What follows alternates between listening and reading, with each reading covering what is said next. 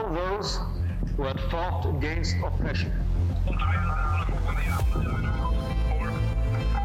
By all who have sacrificed themselves. When called upon to take part in the effort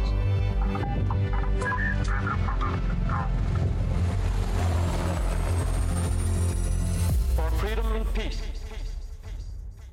Detta är eh, podden Tack för din insats med mig, Filip Knesvic.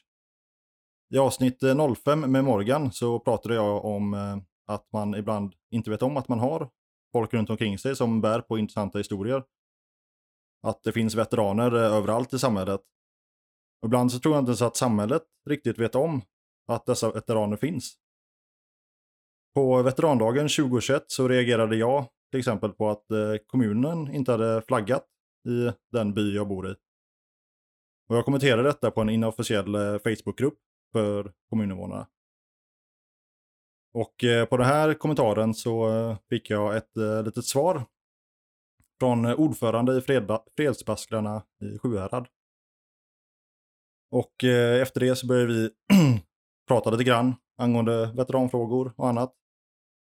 Och hör och häpna, men även här fick jag ju då bevisat för mig att det finns veteraner närmare än man tror.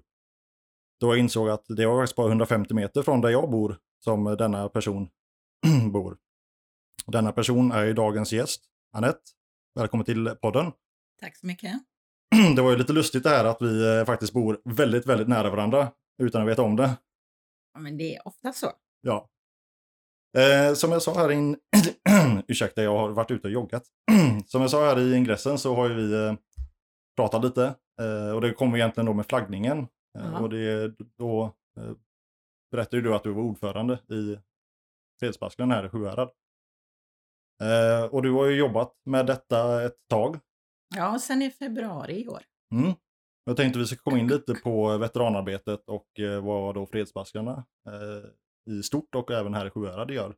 Jag tänkte vi ska först börja prata lite om eh, dig, om vart du kommer ifrån och eh, ja, eh, hur du kom hit idag. Ja, jag, jag är född i eh, Gamleby och Västervik kan man väl säga. Bott på båda ställena i Småland. Flyttat runt lite på grund av, eller tack vare, beroende ju på hur man ser det, eh, min pappas arbete. Det var han som drog med oss runt. Vi hamnade i den här fina byn Bollebygd eh, när jag var 11. Eh, och sen har jag bott här av och till eh, flera eh, gånger faktiskt, flyttat härifrån, kommit tillbaka och så. Eh, trivs väldigt, väldigt bra. Eh, gått gymnasiet i Borås, jobbat i Göteborg i många, många år. Ehm, ja. Vad vill du veta mer? Nej, jag tänkte vi kan gå in lite på, eh, för vi kommer komma sen till, eh, till de missioner du åkte på och det, det militära intresset. Men fanns det någon i din, eh, din direkta närhet eller familj eller så som hade någon, någon form av påverkan på dig? Någon, någon familjemedlem som var med i officer i försvaret eller någonting? Nej, min pappa var kvartersmästare och när jag var yngre så åkte han ju iväg på repövning. Och det enda jag kommer ihåg därifrån det är att han kom hem med emellanåt eh, gula eh, sådana här eh, blyertspennor som det står tillhör statsverket på och kanske någon leverpastejburk och någon blåbärssopsburk och så. Eh, men inget mer än så. Vi har inga militärer i familjen utav de som har levt medan jag lever, som jag är medveten om i alla fall. Men eh, på den tiden så var det fortfarande vanligt med värnplikten. Eh, vad snackar vi för år här när du var i tonåren, över tonåren? Ja, det var ju, eh, ja du, eh, slutet 70, början 80, Ja, då var ju värnplikten fortfarande normen, eh, skulle jag påstå. det var det. Eh, Men inte för tjejer. Nej, precis. För det är det som sen blir lite spännande här då. För du, du skrev till mig då när vi höll på att konversera lite om, om tjejutbildningen. Ja. Eh, men jag tänkte, hur, hur, kom, hur kom du i kontakt med det militära? Och vad var det som gjorde att du ville komma i kontakt med det militära? Exakt varför är jag lite, lite osäker på. Men när jag bodde i Göteborg och jobbade där så eh, gick jag med i Sveriges kvinnliga bilkår som det hette på den tiden. Och eh, eh, skrev eh, avtal med flygvapnet och fick utbildning eh, på att köra lastbil och buss. Och det där tog ju en sommar lastbilskort och sommaren därefter busskortet då. Eh, och det var flera veckor vi var iväg plus att jag gjorde någon sån här allmän militär utbildning för bilkorister och så då. Vi sköt också lite pistol och vi var ute och gjorde olika övningar. Eh, jag tyckte det var kul och intressant. Plus att man fick ju träffa en massa nya människor. Vad, vad pratar vi för år här när du Ja. började? Det är ju det. Men det måste ha varit... Det, det, var ju på 80-talet. Men eh, slutet 80-tal kan Mm. jag tänka mig att det måste ha varit. Alltså det var fortfarande i alla fall eh, innan, eh, innan man började tona ner lite på försvaret då. Ja. Så att det var Ja, ja. full, full rulle. Absolut, absolut. Vad, vad gjorde ni under den här utbildningsperioden och hur lång var den? Eller hur funkade det? Var det som en helggrej eller var det en heltids? Nej, Alltså, utbildningen som vi gjorde med bilkåristerna bilkoristerna, det var liksom en sak. Sen tjejutbildningen var en del utav själva uttagningen till FN-tjänstgöringen. Så den, eh, den kom ju lite senare då. 91. Sommar 91 var jag iväg på den. Och där var det en, en eh, annons i Göteborgs-Posten att man sökte civil kvinnlig personal för FN-tjänstgöring. Och jag är sån att jag tycker sådana där grejer är kul. Jag har sökt till andra saker under mitt, mitt liv och så tänker jag så här, ja men jag ska testa, får se hur långt jag kommer och kommer jag hela vägen så kan jag ju säga nej om jag inte vill. Det var likadant när jag sökte för, om- om att bli utbytesstudent i USA. Och sen var det ju FN-tjänst och sen så var det arbete för Europeiska kommissionen i Bryssel. Jag har sökt, jag har klarat mig och aldrig sagt nej hittills. Men jag tycker Ja. det är kul att testa sig. Och det var väl en av anledningarna till att jag ville åka iväg på FN-tjänst också. Mm. Men jag tänkte, hade du någon kompis eller någonting som introducerade dig till, eh, till det här eh, bilkårsgrejen? Eller var det också någon annons i GP? Ja, jag, jag kommer inte riktigt ihåg hur det kom sig faktiskt, men jag kände ingen som var bilkorist. Eh, jag eh, kände ingen när jag kom dit, men jag är inte så rädd för att göra saker på egen hand. Jag hade ju en lite sån eh, lustig grej själv då när jag, eh, min generation, jag är generationen precis där de slutade med värnplikten. Eh, så, så tanken var att jag skulle gjort värnplikten. Mm. Men sen precis när jag skulle rycka in så sa de, ja vi har lagt ner med det. Eh, så jag läste ju brandmansutbildning, en, en, en tvåårig utbildning. Där jag kände lite folk, eh, en, en kille som heter Tim bland annat då. Och vi, vi umgicks ganska mycket under utbildningen. Och sen så efter utbildningen kände jag, ah, fast jag vill göra någonting i det militära. Och då sökte jag då GMU då, som det hette, frivilliga. Tre månader. Eh, så efter examen där så tog det tio dagar så ryckte jag in på GMU'n Och eh, hör och häpna, men där stod ju Tim och han tillhörde samma pluton och samma lokament och samma grupp eh, som mig. Eh, Så det var ju kul att jag ryckte in utan att känna någon egentligen.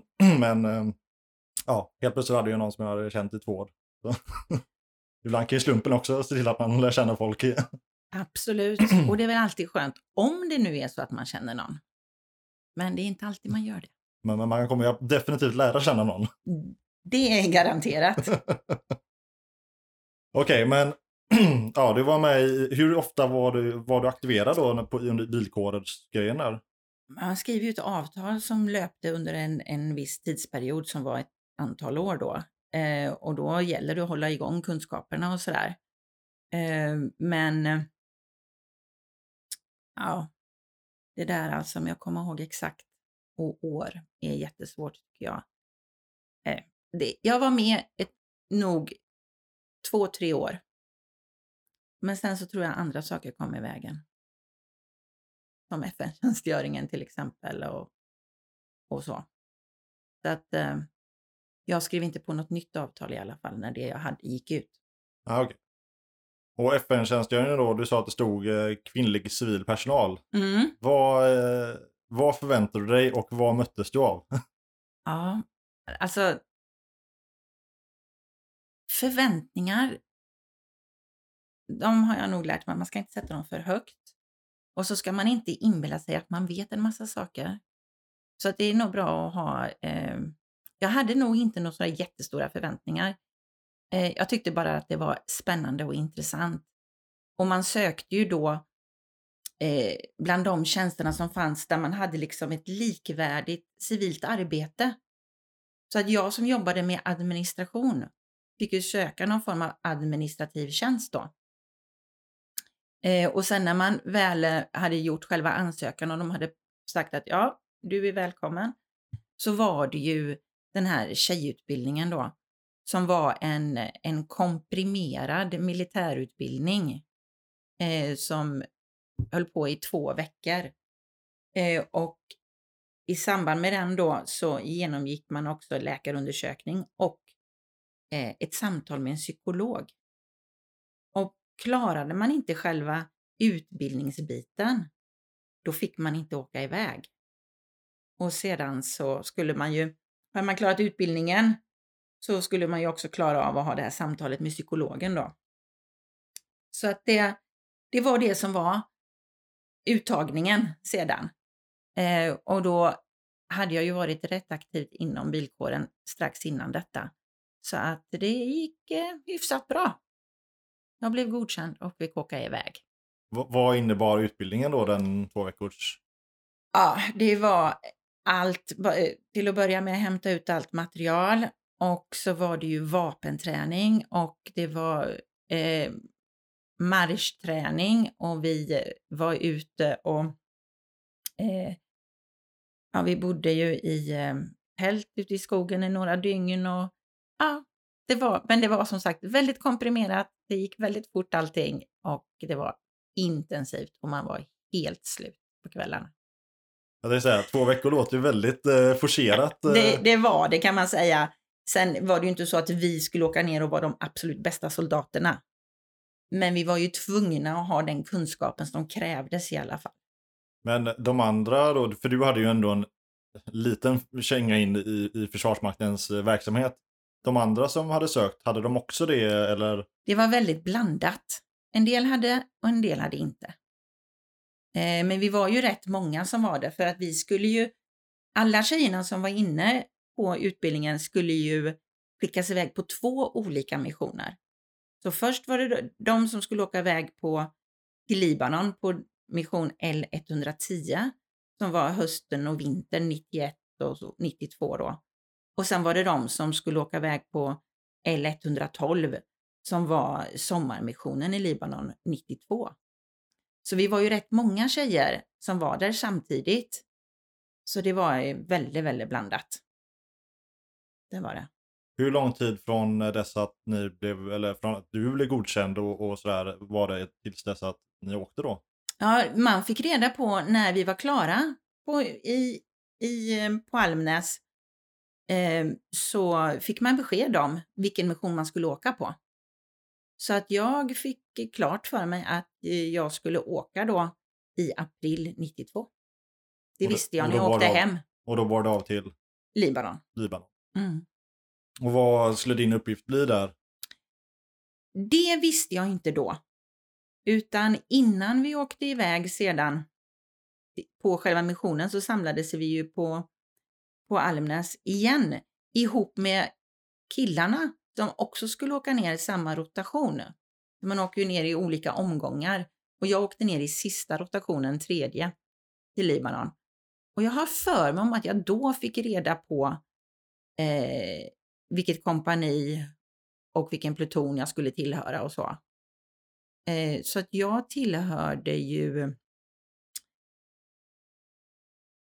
ja, förråd och livsmedelspluton jobbade jag på och satt på kontoret på livsmedelspluton och eh, tillsammans med en annan kvinnlig FN-soldat och två befäl manliga.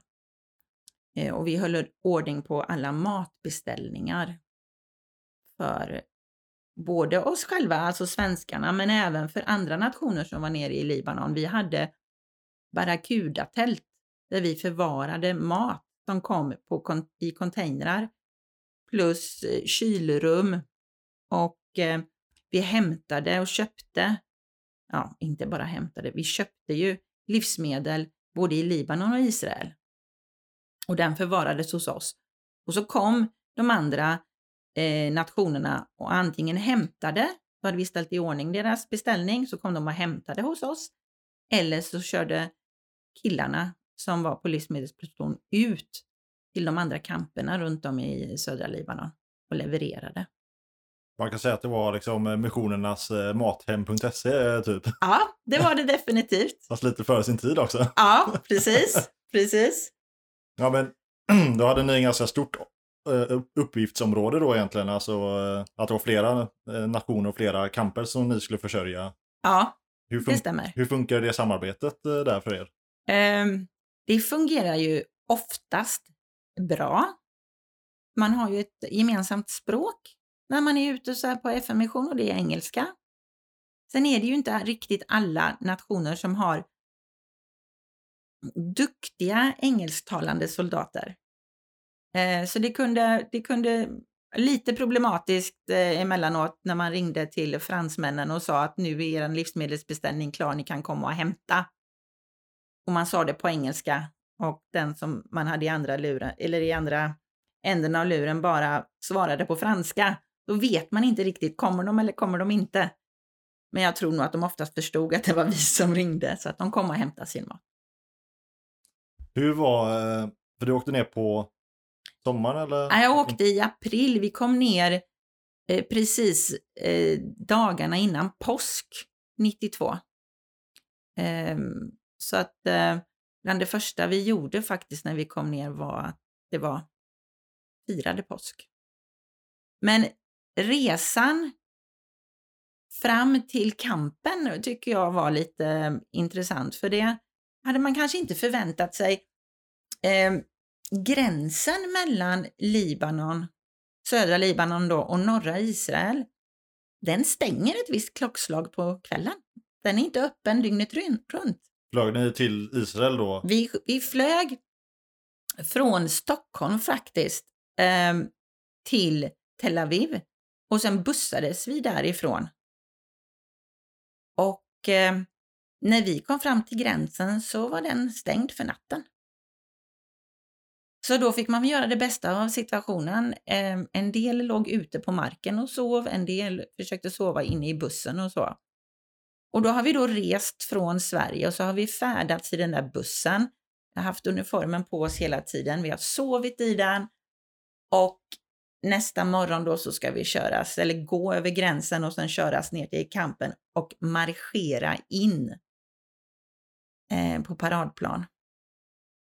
Eh, man var lite, vad ska man säga, ja det var, det var lite omtumlande på sitt sätt. Han var lite sunkig så här. Eh. Ja, man kände sig ju inte jättefräsch.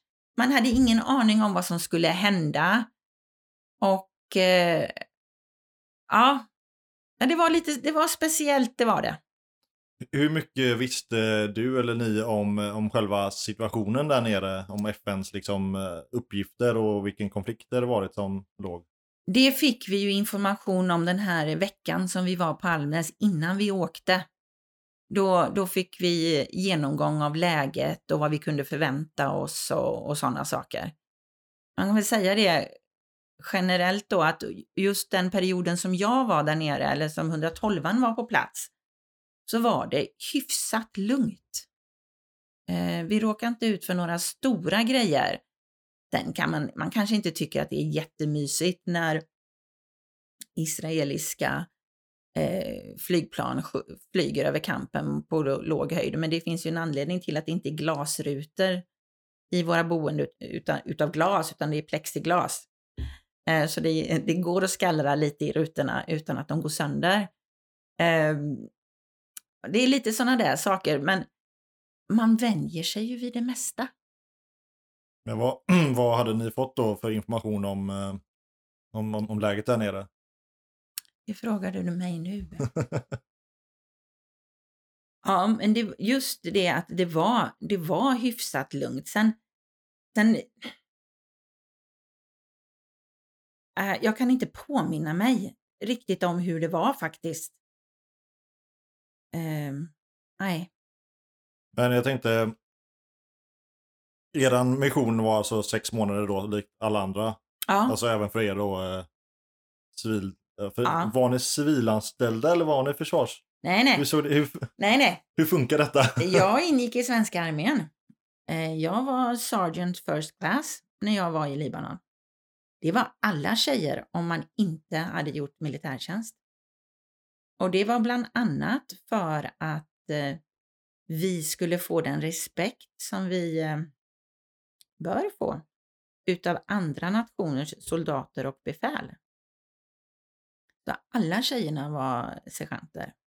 Hur unikt var det att ni kom ner som kvinnor då? För nu snackar vi ändå, vad sa vi, 92. 90-tal? Ja, 92. Ja, det var faktiskt så att det kom, eh, vi fick be- besök, nu kommer jag inte ihåg exakt vilken nation det var, men under tjejutbildningen så kom det eh, nationer och tittade på utbildningen, hur den gick till och vad vi gjorde och så, för att eventuellt själva skicka kvinnliga FN-soldater.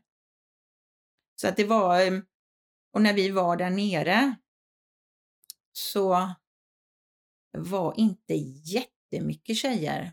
Klart, nu var det ju svenskar när jag kom ner till Libanon, då var det ju svenskarna som hade fältsjukhuset. Så det är klart, där fanns det en del tjejer också bland den medicinska personalen. Men eh, det var inte jättemycket tjejer, vad jag kan påminna mig om, bland de andra nationerna. Knappt någon. Nej, för det, det är väl, det är väl Sverige ganska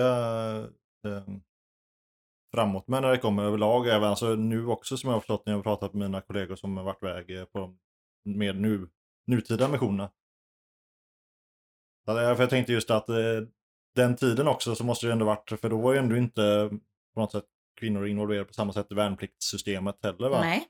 Det fanns väl fortfarande tror jag frivilliga Ja, man, man, det Mm. gick ju att söka om man ville. Men det var ju inte... Det var, ja, Det var det var ju tuffare. Det, nej, det var det definitivt inte och det var ju rätt tufft att, att platsa då liksom. Så att nej, det var inte mycket tjejer där utan det var väl i huvudsak vi svenskar. Men det funkade bra att vara Sergeant First Class då. Ja, det funkade väldigt bra. Det gjorde det. Hur såg eh, dagarna ut då ungefär, alltså när ni var där nere? Ja, eh, vi bodde ju på, det var en jättestor kamp till att börja med, men uppdelad mellan olika nationer. Så att man vaknade i sin eh, barack, eh, fixade sig, åt frukost i matsalen och gick upp till sitt arbete. Min arbetsplats, livsmedelspluton, då låg utanför gaten på andra sidan gatan. Där hade vi en lastkaj eh, och eh, de, ett kontor och de här eh, barracudatälten, då, bubblorna allmänt kallat. Eh, och sen var man där och sen så gick man till matsalen och åt lunch och så gick man tillbaka till jobbet. Och sen när dagen var, eh, arbetsdagen var över så traskade man hem till sin barack och in på campen igen. Det är ganska enkelt eh, Ja, jobba, Det var det, sova. det var det. Det var det. Och när man är ute så där så som vi var, var då i, i Libanon så eh, man är man inte på liv så är man ju i, liksom i tjänst 24 timmar om dygnet. Eh, för händer det något så kan, går det inte att säga att nej men jag sover nu, utan nu får någon annan ta hand om. Men det som oftast hände var väl det att eh, de här kon- eh, lastbilarna med containrarna med livsmedel, de hade en benägenhet att komma på helgen. Och då var det ju kanske så att man, det var inte så att vi skulle sitta på kontoret eh, lördag och söndag. Det var måndag till fredagsarbete. Men kom det en container, då var vi ju tvungna att gå och lasta av den. Vi kan inte säga att när du får stå här och vänta i, från lördag till måndag. Utan då har man ju ett jättefint system med högtalare på kampen. Och då eh, var det så att eh, då ropade man ut att livsmedelspluton till bubblorna, containrar, har anlänt. Och då spelade det ju ingen roll vad man gjorde, det var ju bara att sätta på sig uniformen och gå upp och jobba. Ehm, men det, det var ju därför vi var där. Men hur funkar det? Eh, med, nu du sa att ni hade själva kontoret utanför campen. Ja, Eh, hade ni någon personlig beväpning? Ni, eller var det officerarna? Eller hur funkar det? Eller var ni helt... vi hade ju våra vapen, men de var ju inlåsta i skåpen i vårt boende. Så det hade vi ju inte med oss till arbetsplatsen. Eh, det hade vi inte. Jag har lite svårt att komma ihåg om om killarna som jobbade på kontoret hade något handeldvapen eller inte. Jag tror inte det. Utan vi var nog, men det var ju inte långt. Alltså det, det var inte långt till gaten, den kan ha varit 50 meter eller någonting sånt och där fanns det ju beväpnad vakt. Um, sen var det ju inte så att det var en massa, eh, liksom jättemycket civil trafik just den biten förbi kampen, för efter det kampen slutade så var det bara vägen upp till gränsen. Och den var ju hårt, rätt hårt reglerad och, och kontrollerad. Så att sen låg det ju givetvis på samma sida som, som vi hade vår arbetsplats. Så tvärs över gatan från hela kampen så låg ju eh, det eh, affärsverksamhet, affärer, restauranger och så. Och sen bakom dem låg själva byn.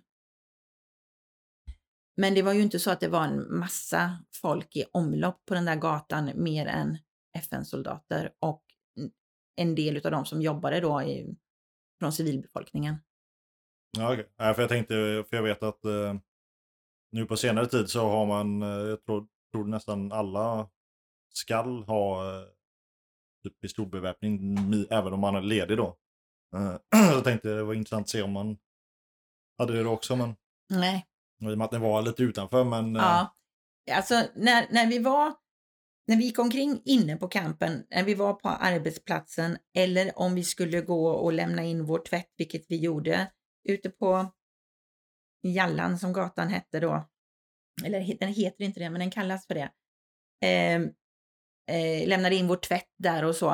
Eh, då var vi ju aldrig beväpnade, men skulle vi åka iväg eh, och liksom lämna byn, då var det hjälm, skyddsväst och eh, vapen med.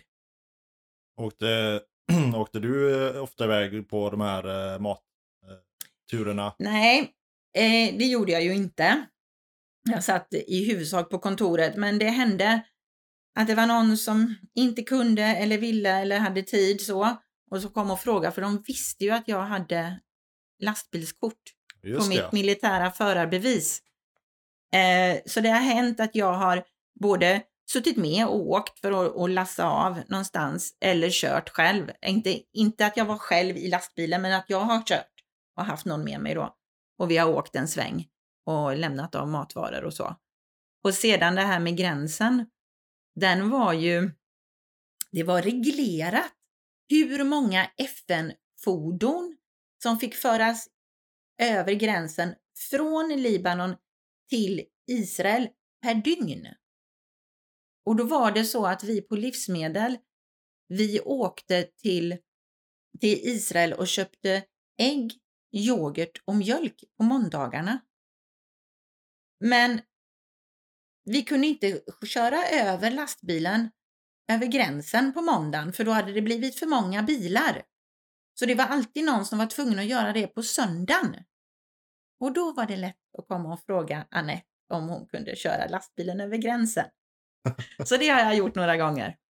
Hur var, hur var den upplevelsen? eh? Ja, det var ju ett väldigt speciellt system med en massa grindar så att man liksom kom fram och så fick man öppna, det, ska ju vara då, det var som follor. Och du fick köra in i den liksom första follan om den var tom. Du öppna, köra in bilen, gå ut, stänga och så sitta där och vänta till nästa folla var tom. Då kunde du fortsätta köra. Och sen så skulle de ju, när man körde in i Israel så var det alltid väldigt eh, rigorösa kontroller av fordonet som man inte hade något som man inte ska ha med sig in. Så då var det ju kliva ur, öppna skåpet och de skulle in och kolla vad som fanns i skåpet och det var ju oftast då bara tomma plastbackar för att ställa mjölk i. Ehm, och sen så fick man åka, när man hade kommit igenom då, man stod på toppen, det var en liten uppförsbacke så här. Och sen ner på andra sidan så var det en stor parkeringsplats. Och så fick man lämna bilen där och så fick man traska tillbaka. Det var en process ska jag anta. Det var en process som tog ett litet tag, men samtidigt så var det ju inte det. Det var ju ändå lite lugnt och skönt. Man kunde sitta där i lastbilen och läsa en bok och titta ut över Medelhavet och till höger om sig medan man väntade då. Men eh, ja, några gånger blir det, blev det, men eh, inte alla söndagar. Söndagstur eh, som får en annan betydelse plötsligt. Precis, precis. Hade ni några livs så när ni var där nere? Ja, det hade vi ju. Och vi hade jätteduktiga travels på bland svenskarna då. Så vi hade två stycken tjejer som ordnade en massa olika resor. Det fanns eh, som en pärm man kunde gå och titta i vad det fanns för arrangerade resor. Um, så att jag var iväg, jag var, det finns, vi hade ju en bataljonspräst med oss. Han ansvarade för två resor, prästaresa 1 och prästaresa 2. Och man fick inte åka på prästaresa 2 om man inte hade åkt på prästaresa 1. Så den åkte ju väldigt många på. Det var ju en rundtur i, i Israel då. Så den har jag varit på. Sen har jag varit iväg till Egypten med en massa andra då eh, FN-soldater. Och sen har jag varit i Syrien och Jordanien. Och sedan, eh, nu ska vi se, när jag var i Libanon. Ja, då åkte jag på en ren eh, sol och bad fem dagar eh, i Turkiet. Men... Det fanns, fanns lite att göra ändå när man hade ledig, eller lediga perioder? Det var ju så att vi hade ett visst antal livdagar som man ansökte, precis som man ansöker om semester från jobbet hemma. Så ansökte man om att få åka på liv en viss period. Eh, och då var det ju i huvudsak de här arrangerade resorna som jag åkte med på då. Och det var ju väldigt intressant och spännande för det kanske är länder som det kan vara svårt att få komma till annars. Eller att det inte är så där jättenaturliga resmål eh, när man har semester från jobbet nu. Men kunde folk även åka hem till Sverige på liv? Ja, det gjorde de. Det gjorde de. Jag gjorde inte det under den missionen, men jag gjorde det under min senare mission sedan. Men jag åkte, var inte hemma i Sverige under de sex månaderna jag var i Libanon. Jag tänkte vi kan äh, börja röra oss hem mot Sverige igen. Ja. Äh, lite snabbt. Uh, för du sa att du åkte ner i april. Ja. Så då åker du hem i... Jag har för mig att det var i oktober. Oktober. Hem till gråa. Ja. Men då hade jag ju varit tjänstledig från jobbet så att det var bara hem och sen eh, jobba som vanligt igen. Men samtidigt så blir det så här lite grann när man är ute på mission så börjar snacket så här, jaha, var ska du åka nästa gång och ska, har du sökt något och så där. Och just i den här vevan som jag var ute då så satt ju kriget i forna Jugoslavien igång. Och jag tänkte väl det, nu har jag gjort Libanon.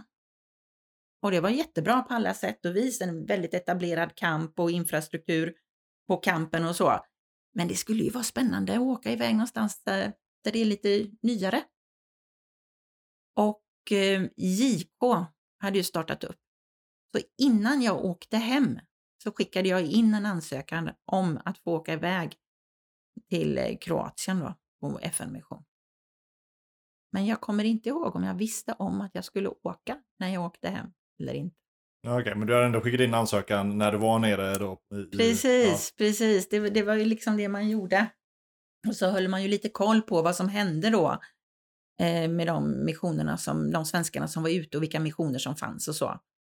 Eh, men jag tyckte att det kunde vara lite intressant när det inte var, det var inte så många svenskar som hade varit i Kroatien än när jag sökte då. Nej, precis. För det var, var det andra missionen då som du sökte till?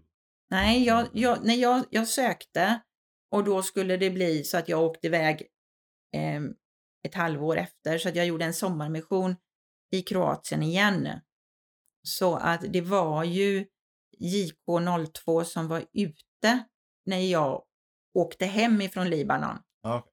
Men så det skulle bli JK03 i sådana fall då. Ja, var det, hade, då hade inte svenska insatsen i Bosnien börjat riktigt va? Det var i den vevan. Jag tror att Bosnien satte igång ungefär ja, när, jag, när jag var i Kroatien, eller precis strax innan jag åkte ner. Hade du någon eh, utbildning inför själva JK-missionen då? eh, In, eh, eller du som FN? eh, Ja, det var samma upplägg som det var när vi eh, åkte till, till Libanon. Att man samlades på Almnäs och hade, det var väl en vecka ungefär, på plats med dem som man skulle åka med ner. Och samma grej där, finslipa på lite saker och sedan eh, få information om läget. Där var det ju en väldigt stor skillnad.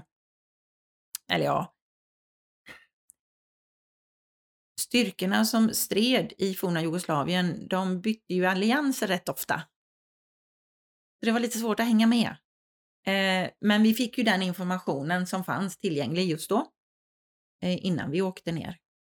Men eh, var, då var det ingen tjejutbildning utan Nej. det var bara en, en pre, preparand? eh, Eller? Ja, ja, men precis, för tjejutbildningen, det var ju för att bli antagen som FN-soldat.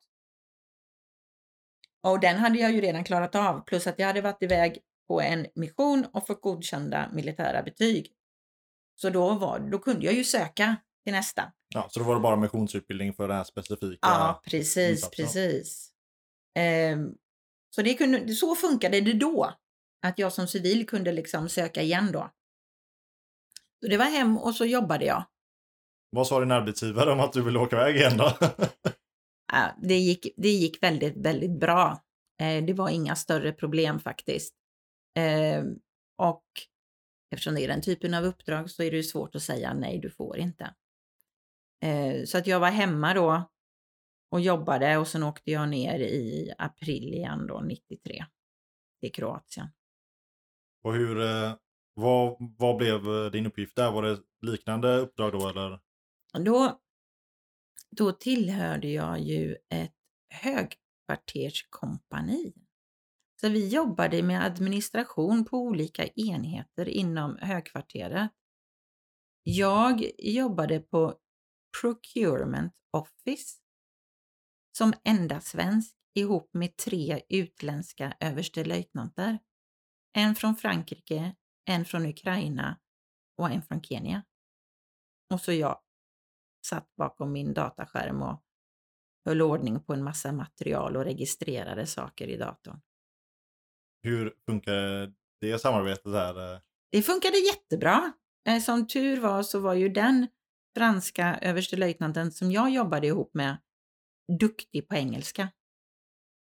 Eh, jag är ingen hejare på franska, eller var inte då och jag ska inte säga att jag är det nu heller efter mina år i Belgien, men jag var sämre då än vad jag är nu. Ehm, men det funkade jättebra. Jag hade inga som helst problem med det. Eh, och där var det också då, det var ju bra att man inte var, ja, då att man var Sergeant First Class då, där också. För det gällde samma sak när tjejerna åkte ner till JK som det gjorde till Libanon när det gällde grad. Men var det, hur, många tjejer var ni som åkte ner på JK? Eh, Alltså- det var ju inte lika många som till Libanon för vi var ju färre svenskar totalt i, i Kroatien. Eh, men vi kan väl ha varit ett 20-tal i alla fall var vi nog tjejer som åkte ner.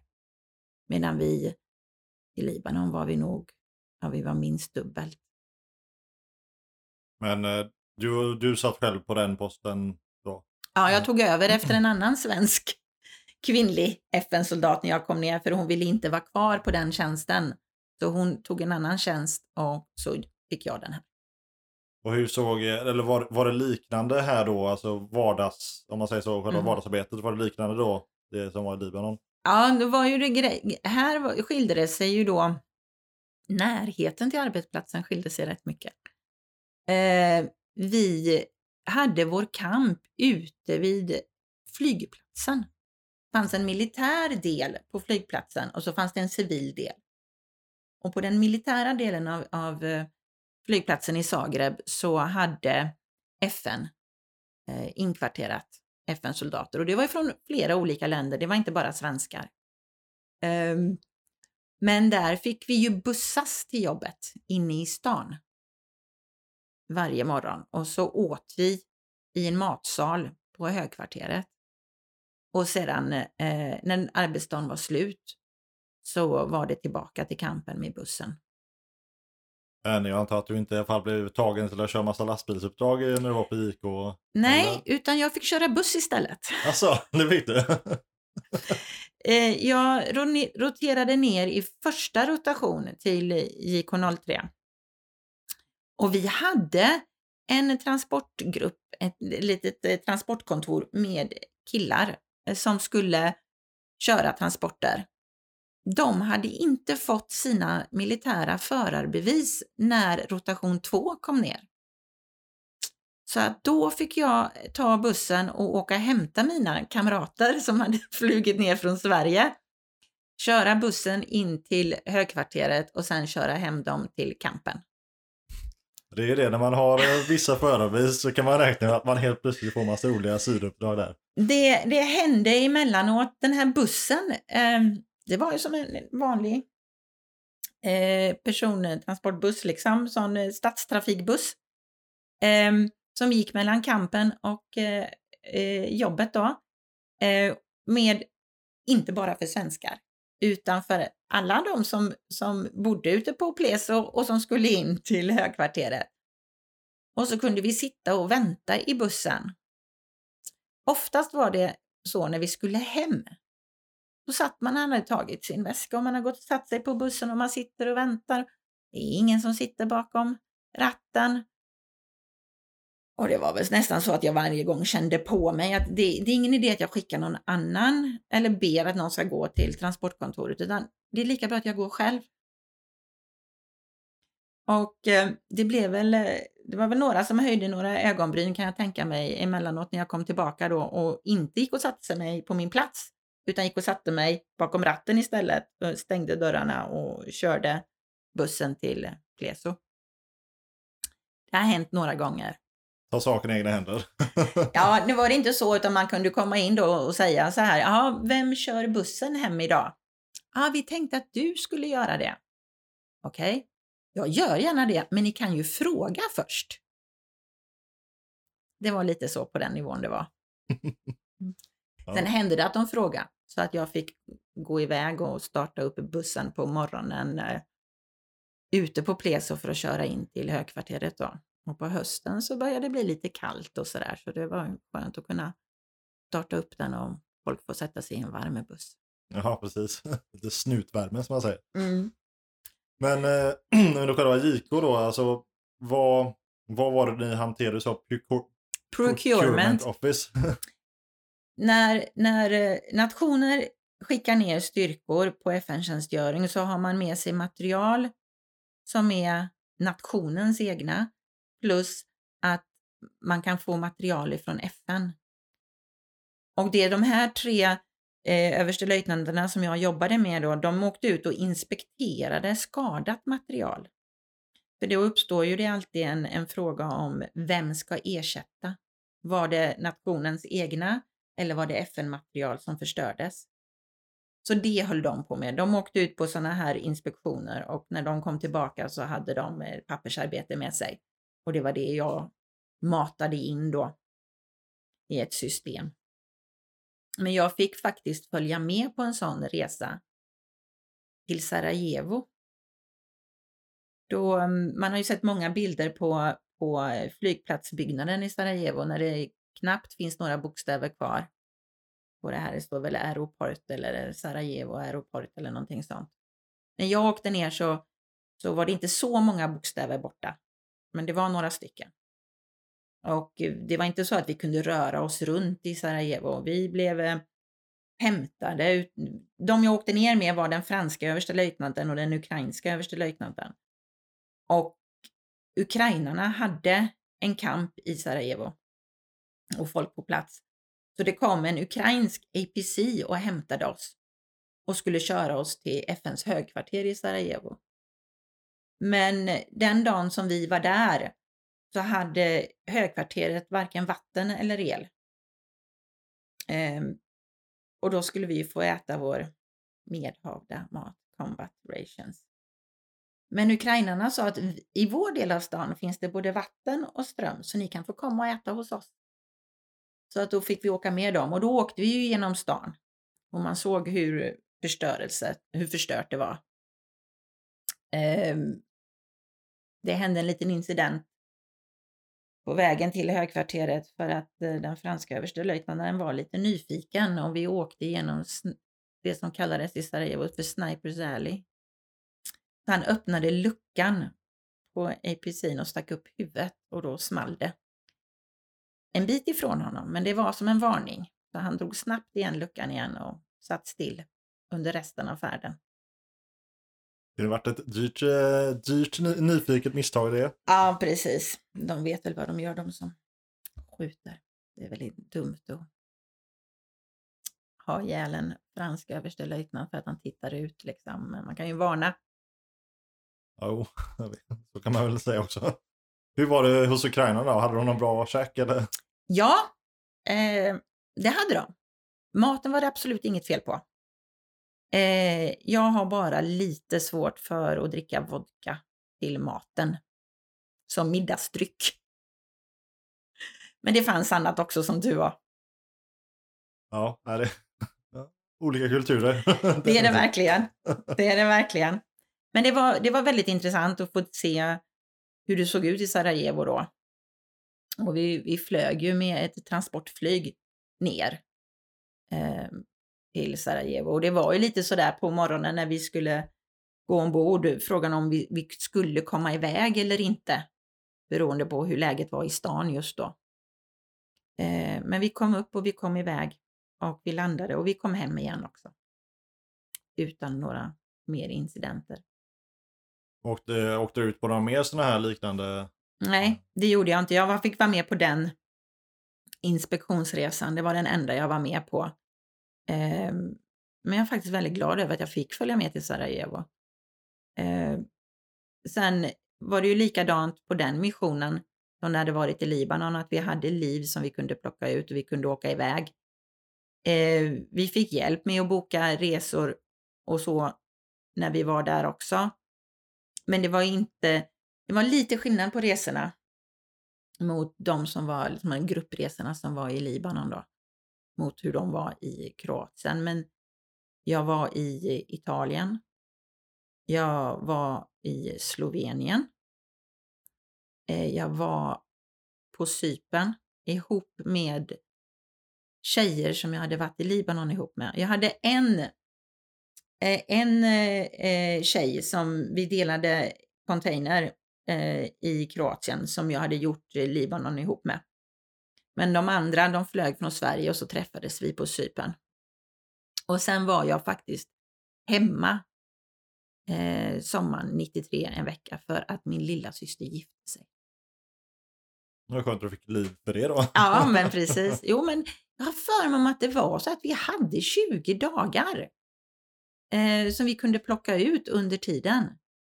Så vi, man la in en, en ansökan om liv. Sen var det så att vi kunde få, i Kroatien kunde vi få helgliv också. Och då kunde man boka en sån här minibuss. Bara man hade någon som körde den. Eh, och så åkte vi ut kusten i eh, Kroatien. Och eftersom läget var som det var så var det relativt lätt att få hotellrum och, och sådär. Så emellanåt så åkte man på en helgliv ut till olika orter längs med den eh, kroatiska kusten. Då. Ja, för ni behövde inte oroa er för containerlastbilar med mat som kom in. Nej, det behövde vi inte. Eh, men när du var i Kroatien, eh, upptäckte man där på något sätt att konflikten var i, liksom i, i, igång eller på G liksom. Det var den stora skillnaden emot Libanon. Eh, jag kan säga det om Libanon då att de, de, den lokalbefolkningen som vi hade kontakt med och som bodde i byn och som skötte, som hade affärerna som vi handlade i och så, de var välvilligt inställda till oss. I Kroatien var det ett, en helt annan grej. Man tyckte att FN inte gjorde någonting, hjälpte till. Och det beror ju på vad säkerhetsrådet har gett FN-styrkorna för uppdrag. Men det man gjorde i, i Kroatien som blev, var väldigt påtagligt då, den stora skillnaden mot Libanon var demonstrationerna utanför högkvarteret. På, eh, ute på trottoaren, det gick en trottoar precis eh, runt hela högkvarteret och på den yttersta kantstenen mellan trottoaren och vägbanan så murade kroaterna upp tegelstenar som i ett rutmönster och på de här tegelstenarna stod det namn på avlidna kroater. Och det murade de upp runt eh, högkvarteret. De eh, blockerade eh, gaten in till högkvarteret så att bussen inte kunde komma in vid något tillfälle så vi fick smita ut en bakväg för att kunna åka därifrån. I Libanon hade vi alltid uniformer på oss. Enda gången vi fick ha civila kläder, det var om vi åkte på liv och skulle över gränsen eller om vi fystränade. Så det gjorde vi jättemycket inne på campen. I Kroatien fick vi inte ha uniformen på oss om vi skulle vara kvar i stan av någon anledning efter arbetstid. Då var vi tvungna att ha civila kläder med oss och byta om med. Det har hänt att eh, framförallt killar eh, som eh, har åkt in till Zagreb på helgen, kanske för att roa sig, har blivit blev nedslagna och sådär. Så att i Libanon skulle man visa att man var FN-soldat, i Kroatien skulle man inte visa att man var FN-soldat. Så det var väldigt stora kontraster på det sättet och det tycker jag var väldigt intressant att vara med om och se. Eh, för det var ju liksom två sidor av samma mynt. Och jag vet ju att det kan vara jättestora skillnader. Eh, det här eh, att det kan bli skillnader över tid också, det är väl nästan självklart. Eh, men här blev det så här blev det så snabbt en skillnad mot, om jag, för jag jämförde ju hela tiden med hur det var i Libanon. Det var ju den erfarenheten jag hade. Och sen då, ett halvår efter jag kommit hem så åker jag ner till Kroatien och där är det något helt annat. Så att, ehm, ja, det var, det var intressant och lärorikt.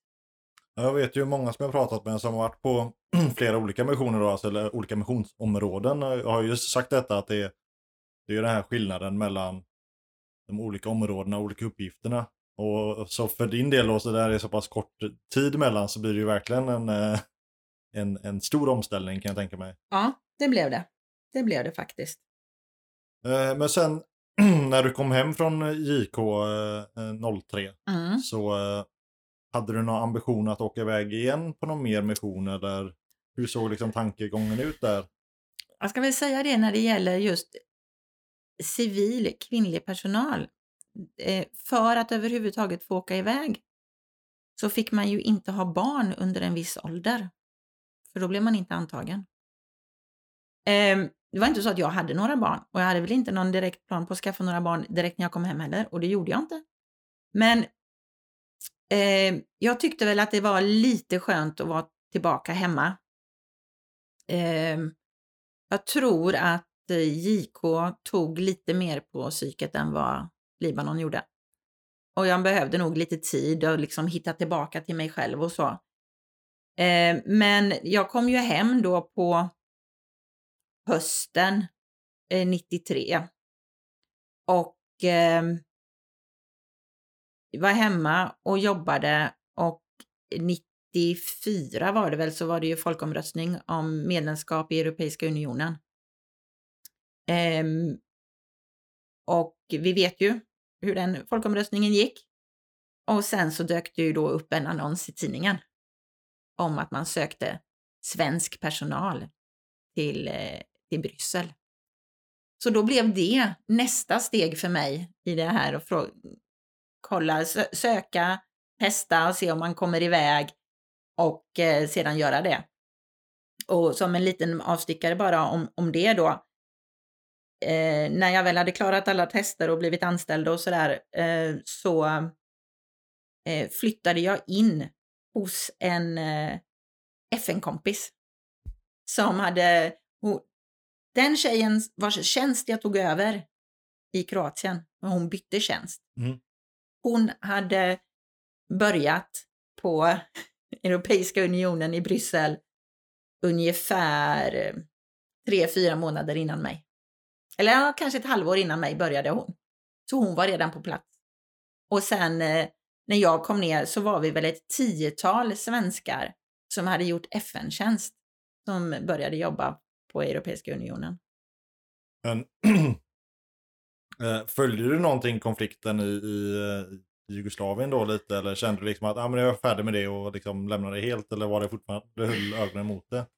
Nej, eh, jag, eh, jag följde det. Eh, och sedan blev det väldigt påtagligt eh, då jag, jag gifte mig med en kosovoalban vars föräldrar och eh, var kvar i Kosovo. Eh, och Eh, kompisar till honom som bodde i Bryssel, ehm, en, speciellt en kompis vars familj kom som flyktingar ifrån eh, Kosovo eh, och fick stanna i Bryssel ett år tror jag innan de kunde åka hem igen. Eh, han träffade kompisar och de berättade om sina familjer som var kvar som eh, nerbrända hus och, och sådana här saker. Så det var väldigt, väldigt påtagligt och eh, vi, eh, det var ju svårt att, att, ha kontakt med hans familj där. Eh, och vi gjorde efterlysningar via Röda Korset och så. så. Faktiskt så blev det väldigt påtagligt medan jag var i Bryssel. Nästan mer då än när det var i... På ett, på ett annat sätt, för mm. nu rörde det familjen på något sätt. Och det, man kunde ha lite distans till det när man var på platsen. Eh, men nu blev det familjen, så att då, då blev det annorlunda. Men eh, ja, vi är inte gifta längre, men det har ju ingenting med, med det att göra, utan eh, det är sånt som händer. Han trivdes inte så bra i Sverige. Det grådassiga tog över kanske? Ja, det väl, ja. Han hade inga, hade inga problem med språk och så, men, men det var någonting som gjorde att det funkar inte riktigt här. Så då blev det så. Jag tänkte eh, lite avslutningsvis här då, eh, din, eh, din involvering i veteranarbetet och så vidare, är egentligen så som vi kom i kontakt? Hur kom Precis. det sig att du sitter på den posten? Ja, men det var ju så när jag kom hem från Libanon så hade man ju sådana här FN-träffar på en, en krog i Stockholm. Och jag åkte upp med tåget och var där uppe och var med på de här FN-träffarna. Eh, och eh, jag gjorde nog det lite efter Kroatien också. Eh, men sen åkte jag ju iväg till Bryssel och så kom jag tillbaka till Sverige 2001. Och jag kom inte i kontakt med, med eh, Veteranförbundet som det hette då och så direkt, men det tog ett litet tag. Och sen så började jag, gick jag med som medlem och så eh, fick jag en tidning hem och sådär. Sen just när jag kom, kom tillbaka till Sverige eh, från, från Belgien så eh, då fanns inte Fredsbaskrarna Sjuhärad. Men jag såg, jag har för mig att det var någon form av upprop i tidningen från förbundet om att man skulle starta. Så jag var med på något möte eh, i början där. Eh, och eh, eh gick på lite träffar och, och lite sådär. Eh, så då kom man in i det igen och sen så har jag ju varit iväg de senaste åtta, nio, tio kanske, någonting sånt, åren på sommaren på den stora FN-träffen på, på eh, skyltfältet utanför Halmstad. Eh, ÖS vardagligt kallat. Um, och då har man ju träffat sina gamla kompisar och även träffat en massa nya. Eh, och en del har ju då tillhört Fredsbaskrarna Sjuhärad, så alltså, det har liksom blivit att man börjat gå mer och mer på träffarna och, och sådär. Och det är kul att ha den där kontakten med folk som man inte, man behöver inte förklara någonting. De vet. Och sen spelar det ingen roll att man inte har gjort samma mission eller att man inte har varit i samma missionsområde. Det spelar ingen roll. Vi delar ändå erfarenheter. Och det är skönt att ha de kontakterna. Eh, ja, så det, det, det blev mer och mer engagemang och sen så när valberedningen höll på eh, under vintern och förbereda för årsmötet i februari så fick jag ett samtal. Johan som var med och startade föreningen och som har varit ordförande ända sedan starten skulle engagera sig lite mer i hemvärnet och skulle lämna den posten och några andra ur styrelsen lämnade också. Och då behövde det ju nytt folk. Så att eh, då tackade jag, sa ja och sen så röstade årsmötet igenom förslaget. Så vi är två kvinnor i styrelsen och vi innehar posterna ordförande och vice ordförande. Eh, och sen har vi ett gäng ledamöter med sekreterare och kassör och så vidare som är an- erfarna FN-soldater, män. Vad, vad brukar ni, eller vad bedriver ni för verksamhet då för den som inte har, har så bra koll? Ja, vi, vi ser ju till eh, att, att ha något arrangemang, eller ha arrangemang den 29 maj då, på veterandagen och även nu den 24 oktober på FN-dagen. Vi har ju en minnessten som vår tidigare ordförande eh, eh, engagerade sig i ihop med kommunpolitiker eh, och lämnade in eh, förslag i Borås. Då. Så att vi har ju en minnessten som vi har haft ett antal år nu. Som, sit, som är uppställd i eh, Majorslunden precis nedan, nedanför gamla I15 i Borås. Jättefin plats som de, kommunen har ordnat. Och där håller vi ju de här två högtiderna då. Eh, och sedan så brukar vi ju ha, eller brukar och brukar, vi har ju bara haft en för att jag har ju tillträtt under pandemin. Eh, och vi har inte haft några träffar under pandemin. Eh, mer än att vi har träffats ute då 29 maj och 24 eh, oktober. Eh, men på månadsträffarna som, som vi har en gång i månaden och nu då eh, har vi det tredje måndagen i varje månad. Så är ju tanken att vi ska kunna ha föredrag. Vi ska bara kunna träffas och prata. En del behöver bara få prata. Eh, och det är väldigt blandat. Eh, åldrar och missioner. Det vi saknar är väl eh, medlemmar ifrån senare missioner, Afghanistan och Mali.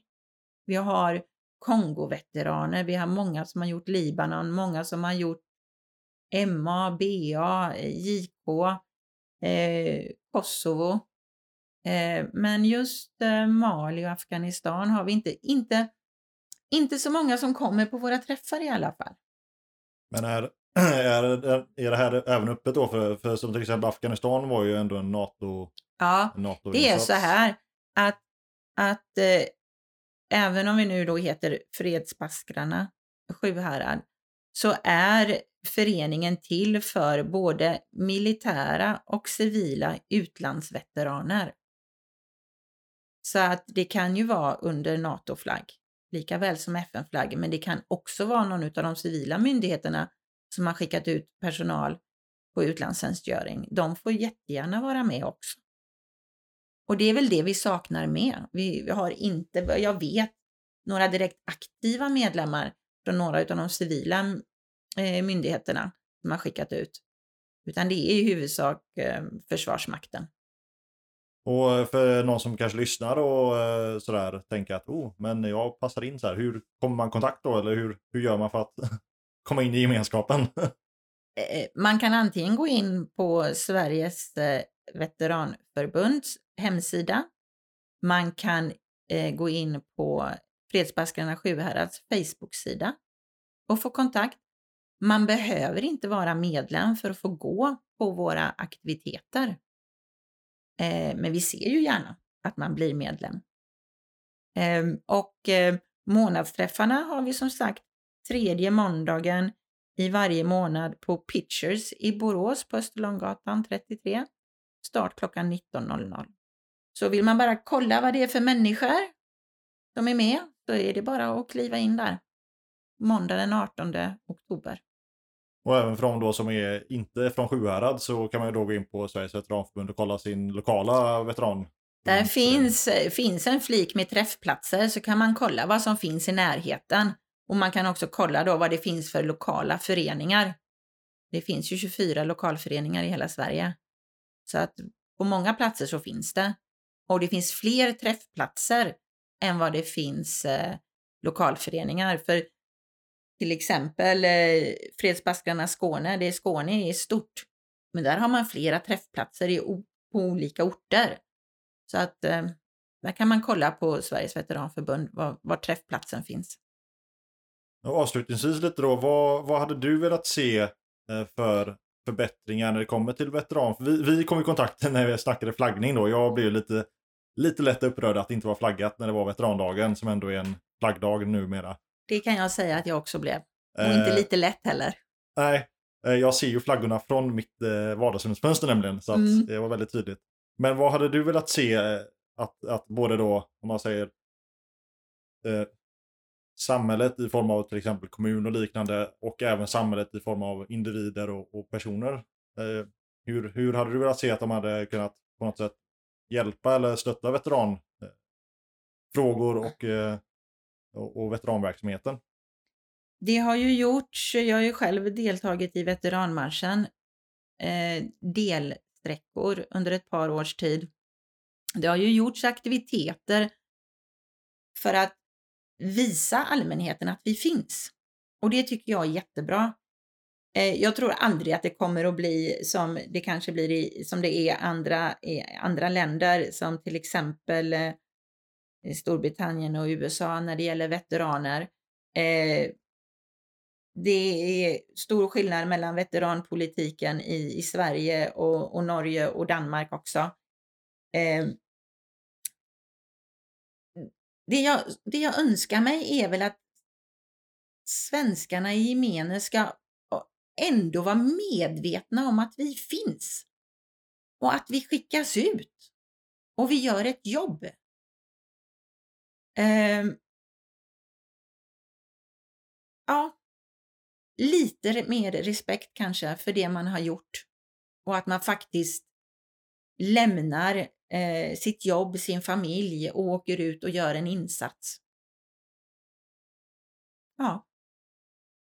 Ja, och vi kan hoppas att eh, den här podden är en liten del eh, pusselbit i, i det arbetet. Eh, och ni som lyssnar får ju gärna se till att sprida så att folk kan höra de här berättelserna så att man kan förstå eh, om alla möjliga olika delar i de här kugghjulen som är insatsmissionerna. Eh, Ja, med det så skulle jag vilja tacka för din insats i fredens tjänst eh, och för ditt medverkande i podden. Väldigt trevligt att ha det här. Eh, så får jag hoppas att vi kanske framöver kan ses i eh, någon form av veteranverksamhet eller liknande. Det hoppas jag att vi gör. Mm, tack så mycket. Tack ska du ha.